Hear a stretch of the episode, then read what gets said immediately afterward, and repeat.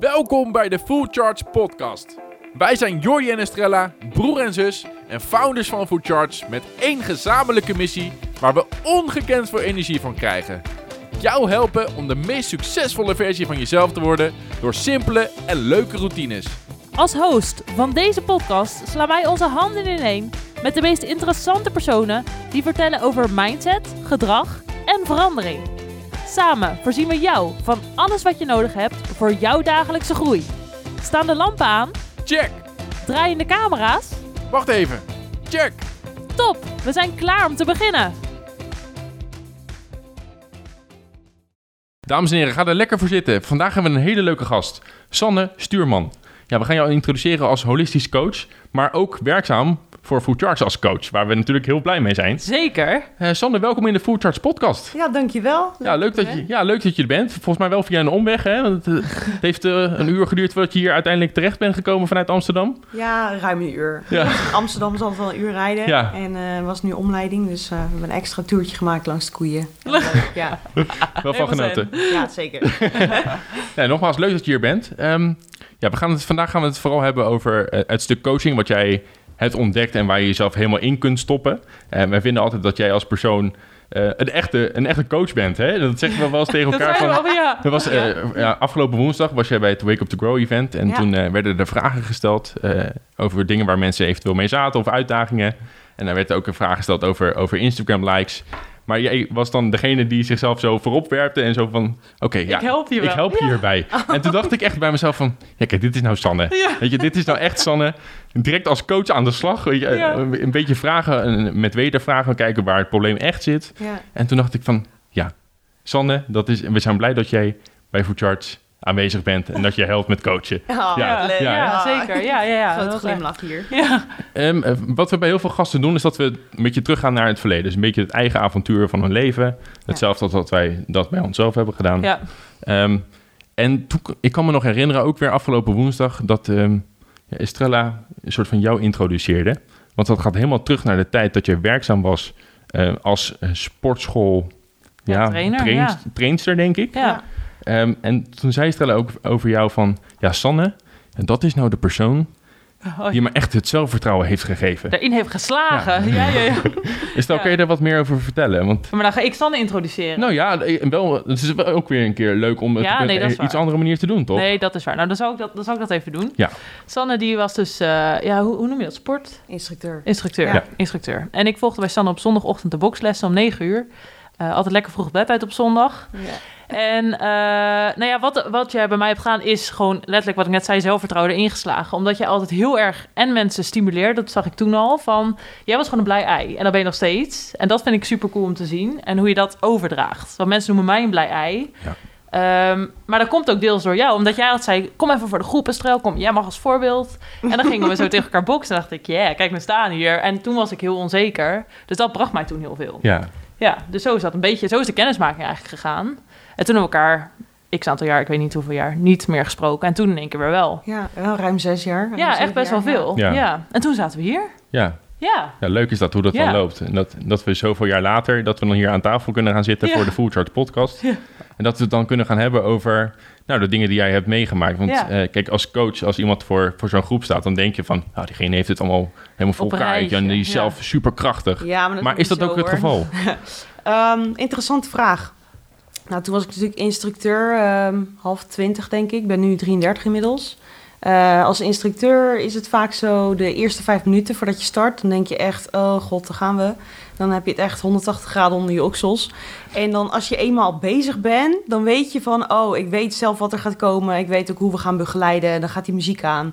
En dan raak je in je flow. En dan gaat het allemaal vanzelf. Hmm. En dan spreek je eigenlijk met je hart. En ik denk eh, dat dat bij mij heel erg naar buiten kwam dan als ik het zo hoor. Ja. Ik ben heel erg oprecht type. Dus als ik het niet leuk heb, dan kun je dat ook zien. Ja, ja, ja. Maar ik vond het gewoon heel leuk om te zien dat... ehm, nou, wat ik woensdag ook zei, dat je gewoon een spiegel kan voorhouden... of dat je onderdeel kan zijn in het proces met anderen.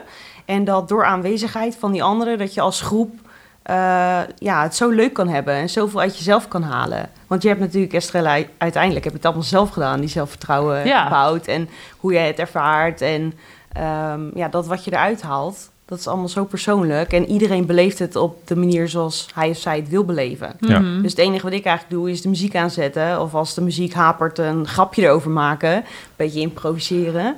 Maar ehm, ja, ik vond het eigenlijk elke les altijd wel heel spannend. Ook al Ja? doe ik het al inmiddels acht jaar. Ja, dat is- Oh. blijft toch altijd wel een beetje in het gevoel van... eh, de schijnwerpers staan niet op mij, maar ik wil gewoon met jullie iets gaan doen. Weet je wel, een beetje eh, de invloed willen hebben op die gezonde leefstijl. Hmm. Ja, Oh, dat was echt zo niet te zien dat je dat dan spannend vond. ja. ja. ja, dat vond ik, ja, dat blijft spannend. En ik, ik moet zeggen, ik ben ook begonnen als instructeur omdat ik dacht, ja, dat durf ik niet hoor. Ga ik Mm. echt niet doen. Mm. Oké, let's do it. Dus toen was ik voor een half jaar naar Curaçao gegaan. En ik had een cd meegekregen van een instructeur in Nederland. En die zei, eh, ja, maar je hebt potentie, dus ga het maar doen. En ik dacht alleen maar, je bent niet goed. Dat ga ik echt niet doen. En toen had ik in Salinha, in zo'n eh, stadje in eh, Curaçao, een, een schooltje afgehuurd op maandagavond. En toen ben ik eigenlijk gewoon heel bleu gewoon begonnen. En er waren mensen heel enthousiast. En toen Oh. dacht ik, oh, dit is gezellig. Want op die manier konden we eigenlijk ook gewoon met elkaar in beweging blijven. Ehm, maar echt instructeur worden, dat vond ik best wel eng. Want toen Hmm. kwam ik weer terug in Nederland. En toen kreeg ik eh, te horen van... hé, hey, maar je hebt toch al een half jaar les gegeven? Wanneer kun je hier beginnen? En ik dacht echt, wat? Oké, ja. Ja, Mm. Oké, maar dus, oh, die bent wel op een hele onverwachte manier Ja. ingerold. Dat wist ik ook Ik helemaal niet. niet. Ja. Oh, grappig. Ja. Dus je bent begonnen in Curaçao. ja eigenlijk wel. Ja, en dan gewoon een beetje eh, met mijn ondernemingsskills... zo van, eh, ik organiseer het wel, eh, zoveel eh, gulden per ticket... dat je gewoon dat schooltje wel kon betalen. En eh, Oh. Eh, ja, als studentje een beetje kon rondkomen. En Oh, op die grappig. manier eh, deden we dat dan in combinatie met bewegen. Ja. gek. Nooit geweten. Ja. Ja. Oké, maar toen startte je dus met eh, het, het worden van een instructeur die, die lessen geeft. Ja. En eh, je hebt een periode gehad waarin je dus te veel ja zei. Moet je dat met je grenzen geven? Was dat daarvoor of daarna? Mm, ik denk daarna. Daarna. Ja, want Oké. op dat moment begon ik te kwispelen. En toen dacht ik, dit is leuk. Dit is leuk. En elke keer was er weer wat. En dan dacht ik, oh, dit is leuk. Ja, ja, ja. En alles was leuk. Maar ja, dat alles leuk is, wil niet zeggen dat je die energie er ook voor hebt. Mhm. Maar dat besefte ik toen niet. Nee. Ehm, en op het moment dat je denkt, nou, het gaat goed. Of eh, ehm, je krijgt opdrachten binnen of aanvragen. Dan denk je, oh, er is werk. Oh, er is nog meer werk. Nou ja, dan heb je op een gegeven moment vijf kwartier in een uur. En dan heb je niet meer door hoe enthousiast je overal bent. Hmm. En die energie, die geef je maar. Ja. En op een gegeven moment merkte ik dus dat ik eigenlijk meer energie gaf dan dat ik terugkreeg of dat ik rust nam. Omdat ik zo enthousiast was. Ja, dat was niet eh, heel slim. Nee, en herkenbaar voor heel veel mensen, denk ik. Want je, je denkt ook vaak van, oh, dat vind ik toch leuk. Of dat vind ik ook leuk. Maar ja, wat jij ook zegt, je kan niet alles doen wat je leuk vindt. Want dan, ja, je, je hebt ook gewoon die oplaadmomenten nodig. Maar Ja. hoe is dat toen bij jou gegaan? Je merkte dat op een gegeven moment op. Ehm, ja, ik was op een gegeven moment ingeschreven als ZZP'er. Ik was eerst in, in loondienst. Dan deed ik, eh, eh, ik deed een hbo-studie en dan daarnaast was ik instructeur. Eh, toen werkte ik ook nog in een kledingwinkel. Ehm, ook, ook, Ook ook. leuk. Ja, ja, ja. Ja, dat was allemaal heel leuk. Ja. Eh, en ik woonde op mezelf. En ehm, op een gegeven moment eh, was ik dus ZZP'er. En toen had ik eh, een baan aangeboden gekregen in Den Haag. En toen dacht ik, oh, dan ga ik een ander programma ook geven. Dus toen gaf ik vier programma's. Grid, Body Combat, Body Pump en boksen. Ja, Ehm, nou ja, waarvan vijf keer per week boksen. En die andere lessen dan vaak nog erachteraan of ervoor. En in Den Haag dus ook. Dus toen Oh. was ik een extra opleiding gaan volgen om een ander programma te mogen geven. En toen kwam ik eigenlijk achter van, oh ja, in je agenda kun je zo inplannen van 9 tot 10 uur en van 10 tot 11 uur. En dan, oh ja, dan rij je naar huis, nou, het duurt een uurtje. En dan van 12 tot 1. En op een gegeven moment kwam ik erachter dat ik gewoon helemaal agenda vol geknald had. En dat, het eigenlijk, dat er eigenlijk geen tijd was voor ehm, eh, een kwartiertje vertraging of even rustig lunchen. Hmm. Dus ja, daarvanuit merkte ik ineens op van hé, hey, ik ben vermoeid. ja. Althans, op dat moment zelf had ik het nog niet door. Nee. Ja, waarschijnlijk ook omdat alles wat je dan op dat moment doet, dat geeft ook zoveel energie natuurlijk. Met alle lessen en dingen die je geeft als je voor zo'n groep staat. Ja. dat doet alleen maar goede dingen normaal Ja. gesproken met je. Dat gevoel van adrenaline Ja. en, en je wordt Exact. helemaal, ja, je leeft helemaal op als het ware tijdens die lessen. Maar dan, als er denk ik dus wel een moment van pauze tussenin zit, en dan begin je te voelen. Ja, Ja, ja en, dat, had is ik dus ook toen zo gegaan. nog niet door. Nee. Want Nee. ik was daarin nog wel naïef. Ik dacht, oh ja, we kunnen het gewoon doen. Ja, waarom niet? Ik heb eigenlijk zoveel discipline en doorzettingsvermogen altijd gehad...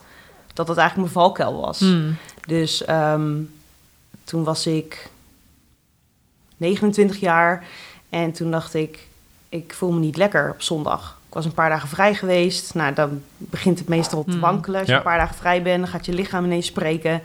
Ik had het niet door. Ik denk, oh, ik voel me niet lekker. Nou, ziek gemeld voor de maandagavondlessen. Vond ik heel moeilijk om Hmm. nee te zeggen. Hmm. Ja. Oh, dan laat ik al die mensen in de steek, weet Ja. je wel. Maar ik had mezelf nodig. Oké, ik ben ziek. Op dinsdag dacht ik, ja, ik voel me nog steeds niet lekker. Nou, maar niet na- lekker? in Ja, de zin- ik, dat, ik, dat wist ik Dat dus weet nog je- niet. nee, dat weet je ik kon het niet goed peilen. Dus ik dacht gewoon, het, het gaat niet. Hm. Maar in mijn ogen dacht ik, ja, maar wat gaat dan niet? Nou, ik had geen energie. En na een week dacht ik, ja, nu is het wel goed geweest hoor. Ik ben ziek geweest. Nu kan ik wel weer. Hm. Maar dat ik dat mentaal vond, wil niet zeggen dat mijn lichaam dat ook dacht. Ja. En voor ik het wist, waren de vier maanden voorbij. Ja. En eh, was Hm. ik aan het trillen thuis en eh huilerig. En toen merkte ik dus van, oké, dit is dus blijkbaar een burn-out. Ja. Ja. En eh, een groot deel van die periode kan ik me ook niet eens meer herinneren. Nee. Oh. Nee, het was echt, eh, ik was echt zo hard doorgegaan. Ik was zo hard leers. Omdat ik zoveel discipline had en elke keer mezelf die schop gaf. Van ja, je zit nu al een week thuis, kom op, door. Hmm. Ja. En dan gun je jezelf die rust niet, omdat je het niet kan verklaren. Ja. Ik vind verklaren altijd heel belangrijk. En waarschijnlijk ben je een persoon die de lat graag lekker hoog legt. En Ja. als je dan niet kan voldoen aan die verwachting van jezelf, Ja, ja, dan zit er een beetje een wrijving. En, ja en teleurstelling. en teleurstelling Ja. natuurlijk. Ja, wauw. Ja, en, maar je zegt eh, vier maanden waren zo voorbij. Hoe is dat proces gegaan? Want ik denk dat heel veel mensen dit Ja. ook herkennen van... ik zit er doorheen, of misschien ook veel luisteraars die een burn-out hebben of hebben gehad. Eh, ja, die vier maanden gaan voorbij en dan op een gegeven moment ga je stap voor stap weer iets doen. Ja, nou die vier maanden, dat was eigenlijk de drempel waar ik pas eh, leerde accepteren van oké, het gaat niet goed. Hmm. Dus vanaf dat moment ging ik nog niet eens herstellen. Nee. Maar toen ging ik het pas accepteren. Van Hmm. oké, San, het gaat niet meer. En eigenlijk anderhalf jaar later in totaal... ehm, begon ik weer rustig aan alles op te pakken. Ja. Eh, en ik merkte dat het toch wel veel te maken had met druk die ik mezelf oplegde.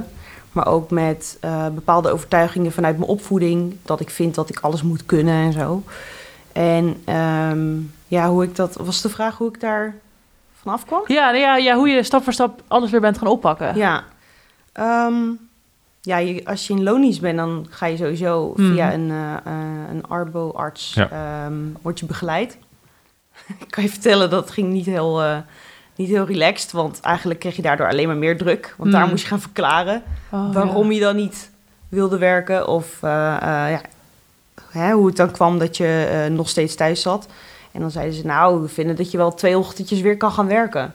Maar waar voor mij het probleem lag, was eh, de werkdruk op de werkvloer. Dus Hmm. meer het sociale stukje eromheen. Hmm. Eh, de verwachtingen misschien vanuit de les. De verwachtingen van mezelf ehm, ehm, als instructeur. En eh, ja, welke lessen doe ik dan wel en welke niet. Ja. Dat is niet eerlijk, dus het werd eigenlijk Oh. één grote brei. Toen heb ik op een gegeven moment gewoon besluit genomen om te verhuizen naar Amsterdam. Want daar is de rust. Ja, dat, dat zou je denken. Ja, nee, Amsterdam-Noord. Amsterdam-Noord was wel heel relaxed. Want je, hebt, ehm, je had daar een... eh, ehm, ja, hoe leg ik dat uit? Aan de overkant dan heb je een heel stuk eh, gras Hm. en een, een parkje... waar je gewoon relaxed kan liggen of zitten. En daar was ik dan ook heel veel. Hmm. Was dat dan dan- voor jou een soort nieuw begin dan of zo? Ja, eigenlijk Oh, ja. wel. Ja. Hm. En ik had het ook echt wel nodig, een soort van grens. Om even uit te zoomen, even weg van de plek waar ik zoveel reuring voelde. Ehm, ja, dat is, dat is eigenlijk daarvanuit beter geworden. Hm. Wel echt heel rustig aan. Ja. Het is niet zo van, oh, na twee maanden ben je weer opgeknopt, Nee. opgeknapt en dan ga je weer verder. Nee. Eh, het was wel echt uitdagend om weer eh, opnieuw te gaan werken. En dan jezelf te beschermen. Van, oh, Ja. Want je gaat er opnieuw tegenaan lopen Ja. Je gaat opnieuw weer die drempels tegenkomen. Alleen het idee is dat je ze dan herkent. Mhm. Ja, Maar ging dat ook makkelijk of had je daar wel moeite mee? ja daar had ik wel moeite mee. Ja. Ja. Ja. Want als je kijkt naar hoe je er nu in staat, je, je bent nu liever voor jezelf, je geeft beter je grenzen aan. Ja. Wat, wat zijn jouw grootste inzichten of leermomenten daarin geweest? Dat je zegt, nou, toen is dat veranderd. Of, of heb je niet echt een bepaald moment daarin? Of, of wat je nu meeneemt in je dagen, Ja. weet je, qua Ja. dingen die je hebt geleerd. Ja, ik denk gewoon kaart onderuit gaan was de beste les. En open-minded zijn. Gewoon open blijven staan voor wat gebeurt hier nu echt? Eh, wat heb ik nodig? Ehm, en, en toch een beetje die, dat stemmetje van je bent een aansteller gewoon maar proberen te parkeren. Zo van, het is maar een gedachte. Mhm. Ehm, en ja, hoe ik het nu doe, nu is het echt een wereld van verschil. Want eh, toen kon ik niet stilzitten. Maar Ja. ik moest het gewoon echt afleren om die gedachten die erbij kwamen kijken. Van oké, als je stil zit ben je lui. Hm. Ehm, als je je werk afzegt, dan laat je mensen in de steek. Al die ehm gedachten die je daaraan kon koppelen, die heb ik echt eerst moeten zuiveren. En die zijn er dus nu ook niet meer, Hm. want gedachten zijn maar gedachten. Ja. Je hoeft er niet altijd wat mee te doen. Mhm. Nee. Toen iemand dat zei, Ja. toen open ik echt mijn ogen. ja, want het is nu, het is nu makkelijk om te zeggen, toch? Ja. Het het- achteraf is het makkelijk om dat te zeggen. Maar Ja. op Ja. het moment dat je natuurlijk midden in een burn-out zit... ja, Ja. dan, dan weet je niet dat dat, dat, Nee. dat bestaat, hè? En, en die gedachte. Dus ja. Ja. nu zeg je het heel makkelijk. En dat is dus ook eh, iets wat je, wat je echt moet vieren. Dat je nu al zo, ja, zo Mm. ver weer bent. Ja, Eh, maar op het moment dat je in een burn-out zit... dan denk je daar dus helemaal niet aan. Eh, aan die lessen die er eventueel aan de andere kant van de tunnel... om het zo maar te zeggen, dat die daar zijn. Nee. Maar op dat moment staat je, je hele brein natuurlijk op slot, als het ware. Eh, ja, je staat er ook niet voor open. Nee, nee. Als ik toen had geweten wat ik nu weet, dan had ik het waarschijnlijk weggevaagd. Omdat je, eh, ik was op dat moment niet in staat om het op die manier op te pakken. Mhm. Dus dat proces is echt een proces. Ja. En ehm, je hebt natuurlijk ook verschillende gradaties van burn-out. Want je hebt ehm, ehm, milde stressklachten, je hebt eh, extreme stressklachten. En dan is de vraag ook wel weer, wat is stress voor jou? Het wordt natuurlijk best wel snel genoemd, het woord stress. Mhm. Ehm, en dan heb je overspannen en dan heb je een burn-out. En het een is niet erger dan het ander. Hè? Het is niet zo van als je in de boven, bovenlijn zit van een burn-out, dan is het erger, dus dan ben je zieliger of zo. Mhm. Ehm, maar het heeft vaak wel te maken met tijd. En ook dat is weer persoonlijk, want de ene persoon die staat ervoor open om ehm, ja, fouten in te zien of om, om verandering eh, te doormaken. En de andere persoon heeft daar wat meer tijd in nodig. Ehm, maar daardoor kon ik wel meten voor mezelf van oké, ik zat wel echt diep. Hmm. Ja, nou ja, en ik denk ook als je, als je dan zo diep zit en iemand zegt tegen je, ja, die stemmetjes of die gedachten moet je gewoon niet naar luisteren of parkeren. Ja, doe, doe dat Ja, ook maar eens, weet je ja, wel. En dat is natuurlijk ook een hele lastige. Ja. En dan moet je dan hele kleine stapjes, dat als het een keer wel lukt om iets opzij te zetten, dat je het dan viert en dan zo erop doorbouwen. Ja, Eh, maar ook dat is een proces en heeft tijd nodig uiteindelijk. ja, ja. ja, en ik denk dat als, je- als je kijkt nu naar mijn rol als coach, dat, dat ik daardoor ook weet, door dat proces, Hmm. dat je mensen niet iets kan vertellen om te doen. En dat ze het allemaal oppakken. ja. Dat is niet het idee. Hm. Het idee is dat je ehm, mensen op hun eigen manier en in hun eigen tijd, hun eigen tempo, ehm, ja, een soort van dat je de weg verbre- verbreedt voor ze, zodat ze die stap zelf kunnen maken. Ja. Want als ik zeg, eh, zet morgen gewoon lekker je wekker om acht uur, dan heb je een productieve dag. Dat is natuurlijk onzin. Ja. Je kan het twee keer doen en dan gaat het je tegenstaan, omdat het niet eigen wordt. Terwijl als je eh, zelf ervaren hebt van, zo werkt het niet, je moet er zelf achter komen, dan ga je dus een andere type vragen stellen. Dan ga je dus eerst vragen van, eh, wat is waar je naar op zoek bent dan? Hè, want misschien is het niet dat iemand een productieve dag wil en daardoor vroeg wil opstaan. Maar Ja. misschien is het dat iemand te veel doet. Dus zo heeft eigenlijk iedereen een, ehm, een andere kijk op het leven. Mhm. Ook al zien wij nu alle drie hetzelfde beeld hier om ons heen. We beleven alle drie iets anders. Ja. Mhm. En dat besef, dat heb je nodig als je iemand echt wil helpen. Ja. Ja. Ja, ja, super mooi. Maar dan ben ik nog steeds benieuwd naar als je kijkt naar hoe jij nu in het leven staat. Van wat. eh, je, je zegt, ik kijk anders tegen dingen aan en ik heb bepaalde overtuigingen achter me gelaten. Ik denk dat dat een heel duidelijk is en heel erg essentieel en waardevol. Eh, maar zijn er ook dingen in de zin van ehm, hoe jij nu je agenda invult, bijvoorbeeld? Eh, hoe je jezelf misschien een druk oplegt om om een bepaalde tijd op te staan of om bepaalde dingen allemaal goed te doen? Hoe is dat veranderd? Ehm, nou, het afgelopen jaar extreem, ook omdat ik zwanger ben. Ja. Want daardoor ziet mijn indeling van mijn agenda er ook weer anders uit. Ehm, ja, ik, ik leg de lat niet meer hoog voor mezelf. Niet in die zin dat als ik... eh, ik werk volledig zelfstandig. Mhm. En ik weet dat dat voor mij werkt, omdat ik dan mijn agenda zelf kan indelen. Ehm, ik weet ook dat als ik ehm 40 uur in loon niet zou zijn, dat het voor mij anders zou zijn ehm, qua indeling van mijn tijd. Want dan ga je toch iets meer richting die loyale kant van ik doe het werk voor die persoon. Mhm. Ehm, en omdat ik het nu voor mezelf doe, kan ik dus ook af en toe gewoon een uur lang niks doen. Mhm. En Of- voelt dat oké? Ja, Voor precies. jezelf, ja. Omdat je het voor jezelf doet. En ik, ik vind het oké. Ja. Maar daar waar ik voor iemand werk, ehm, dan heb je toch altijd wel een beetje het gevoel van... ik wil wel graag iets leveren. Ja, en wat Mhm. zou die persoon ervan vinden? Weet je? Als ik Wellicht, dus, ja. ja, ja. Ja, ja. Dus eh, wat voor mij nu goed werkt, eh, en zeker nu ik zwanger ben... ik merk dat ik gewoon soms ontzettend moe ben. Vond ik eerst ook lastig om te accepteren. Maar accepteren, Ja. het Ja. is zo. Ja, en als ik dan moe ben, dan denk ik... oh, nou, ik ga lekker een tukje doen een uurtje. Dan ga ik gewoon lekker in bed liggen. En omdat ik voor mezelf werk, vind ik dat makkelijker... dan wanneer je bijvoorbeeld ehm, een afspraak hebt met iemand... en je moet hem Mhm. afzeggen. Ja. Dus dat blijft altijd wel een dingetje. Ja. Maar ook daarin, eh, ja, een nee tegen een ander is een ja tegen jezelf, zeg Ja. ik altijd. En als je iemand hebt uitgenodigd om te komen eten en je voelt je niet lekker, zeg het maar gewoon af. Ja. Want dat is voor de better. Ja. Dus daarin zit wel een grote verandering. Ja. Ja, mooi. Dus niet alleen maar ja zeggen, ook al voel je van binnen dat het misschien een nee moet zijn. Ja, Ja. je voelt het. Ja. Je weet, je Ja. weet wat je nodig hebt. Alleen Ja. vaak luisteren we daar niet naar en dat doe ik nu wel. Ja. ja, plus ik denk ook als je continu aan het doorrennen bent, dat zei je net ook, dan voel je dat dus niet, wat je nodig hebt. Nee.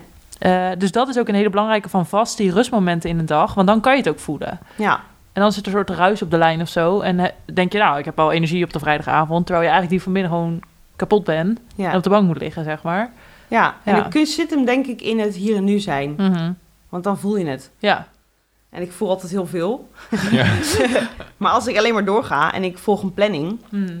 dan maak je eigenlijk geen ruimte voor ehm, hoe sta ik er eigenlijk in. Mhm. Dan ben je eigenlijk alleen maar je agenda aan het Ja, in de doemmodus. eh, wat dat Ja, betreft. ja. Ja, ja. Ja. dat is zo. Ja. Maar je hebt natuurlijk na de burn-out... eh, had je er ook voor kunnen kiezen om een compleet andere richting op te gaan. Maar je bent wel nog steeds, of het nou als je voor een groep staan is... of echt eh, face-to-face coaching... het is wel die coaching nog steeds. En wat, wat trekt jij dan echt eh, zo erg aan? Je zei natuurlijk in het begin van... ja, ik wil graag mensen die spiegel voorhouden. Ja. Ehm, maar wat springt er nou echt voor jou uit op het, op het gebied van coachen? Ehm, ja, misschien wel even leuk om te vertellen wat ik daartussen allemaal gedaan heb. Ik Ja. ben ook nog recruiter geweest. Ehm, vond ik wel leuk om te doen. Maar dan had je kort contact met iemand, sollicitatieproces, match zoeken en dan weer verder. Ehm, vond ik ook niet heel leuk om te doen. Ik, ik ben toch wel meer van het persoonlijke. Ik hou ook wel van diepgang. Ja. En ehm, ik denk dat het ook wel voortkomt uit de behoefte dat ik daar zelf behoefte aan had toen ik jonger was. Ehm, om gewoon eens met iemand te kunnen sparren of te praten, zonder dat het direct een psycholoog is. Hm. Of een vriendin. Want Ja. een vriendin heeft haar eigen leven. Hè? En dan krijg je meestal gesprekken van...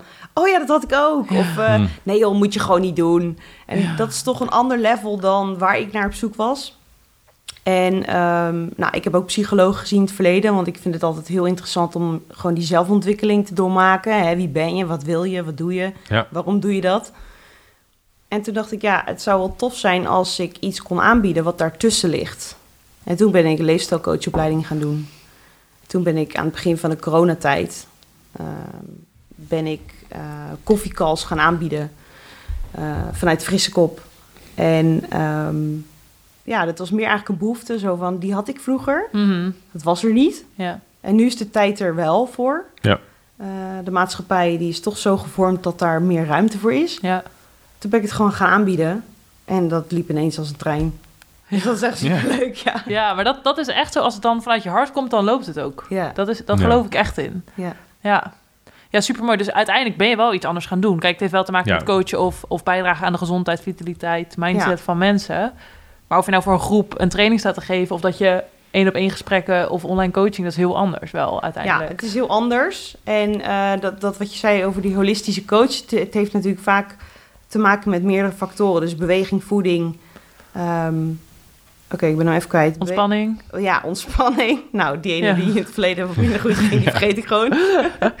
maar ehm, die drie die werken samen. En ik doe het ook nog steeds allemaal. Want Ja. ik geef ook nog steeds trainingen. En ik werk ook nog steeds voor Les Mills als instructeur en als trainer. Ehm, en die combinatie, die vind ik zelf heel prettig. Maar ook door zelf in, in het werkveld daar te blijven, Mhm. kun je er ook weer over doorontwikkelen en over praten. Ja. Ja. Ja. Met deelnemers. Ja. Mooi. En ik ben ook wel benieuwd als je kijkt naar... ehm, je hebt natuurlijk zelf meegemaakt van... oké, op een gegeven moment geef je grens niet aan. Of eh, nu, als je terugkijkt, herken je bepaalde signalen. Heb je dat tijdens het coachen ook? Dus je zegt, dat signaal zie ik bijvoorbeeld heel vaak voorbij komen bij mensen. Iets waar we nu dus in deze tijd veel tegenaan lopen. Bij die deelnemers zelf. Ja? Ja, all the time. Ja. Ja, ja, ja. Je, ziet, je ziet toch wel vaak ehm, ja, tussen aanhalingstekens valkuilen. Ehm, maar één ding wat ik doe in mijn coaching is niet oordelen. Mhm. Gewoon helemaal niet. Ja. Dus ook al zou ik een signaal zien, dan ehm, neutraliseer ik hem als het ware.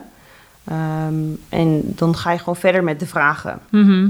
Want wat ik misschien signaleer als een valkuil, is met, misschien voor iemand anders een kracht. Mhm. Het is ook maar Ja. net wat je van die persoon te zien krijgt.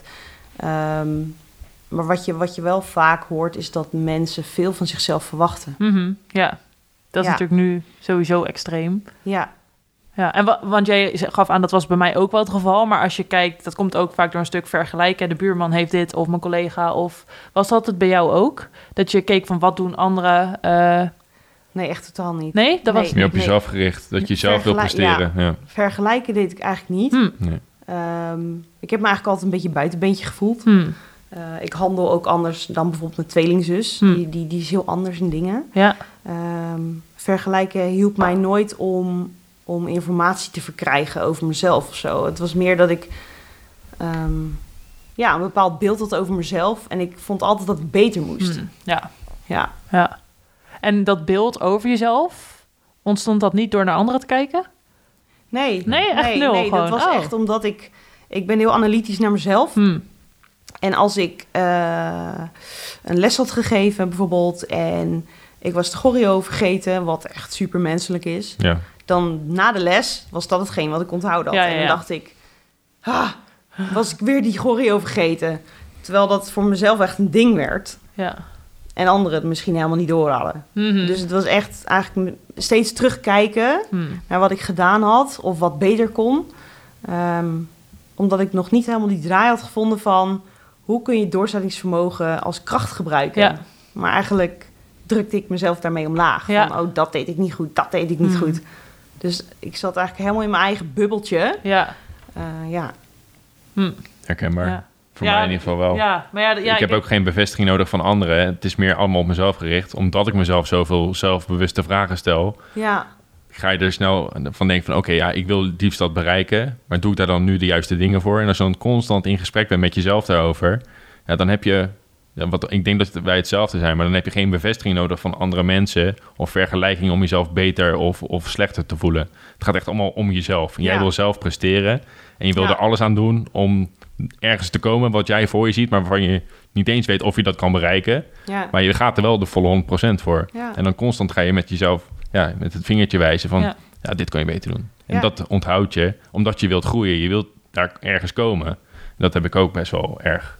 Ja, maar toch denk ik wel, en dan gaan we gewoon even het gesprek aan. Ja, Kom maar op, van dat dat komt, en daarom vraag ik ook zo naar, door iets of iemand van buitenaf. Want het, Nee. waarom, waarom is die lat zo hoog voor je? ja, ik denk dat het gewoon heel persoonlijk is. Ja. Iedereen, ook, ook dat kan iedereen heel eh, verschillend ervaren.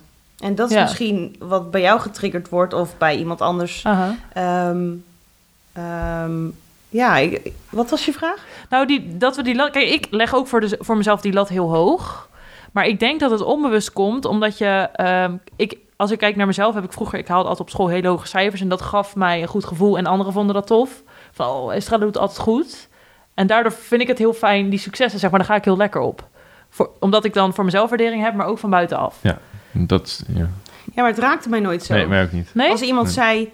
Wow, dat heb je echt goed gedaan, dacht ik. Ja. Dat weet ik al, want daar ga ik voor. Weet je, zoiets. Oh ja, Zo ja. gedacht had ik. Ja, nee, ik drukte het dan weg. Ik dacht Oh Oh, dat- Want ik dacht dan van ja, vind ik zelf niet. Hmm. Of Oh. hè, even erg gechargeerd, maar dan zou ik denken van, nou, dat had echt beter gekund. Hmm. En, ja. en vandaag de dag, dan neem je dat aan. Dan zegt iemand, oh, dat was echt super vet. Bijvoorbeeld een eh, combat eh, les of zo. Dan zeg ik, eh oh, dankjewel. Thanks, ja. Je ja. stond lekker te shinen, weet je wel. Meteen, wel ik, dat is wel Doe iets wat ja. in me zit. Ik probeer het wel Weer meteen terug. weer terug te Ja. kaatsen naar de persoon zelf. Hm. Ehm, maar het, is, ja, het, is, het zijn gewoon de verwachtingen van jezelf, denk ik. Ja, nee, en ik- Ja. maar ik denk omdat jij ook zegt, ik zie dat ook bij heel veel mensen die je nu begeleidt en coacht. Ehm, dat moet toch ergens vandaan komen dat we dat hebben nu. Dat we die lat zo hoog leggen voor onszelf. Ja, ik je? denk uit de familie, Jawel, dus Ja. ik denk uit de dat het... Ja, en- ja, ik ben ook de jongste van de familie. Ik heb drie zussen. Ja, Dus misschien toch eh, ja, die eh, familieopstelling hè, Ja. van, van de jongste zijn.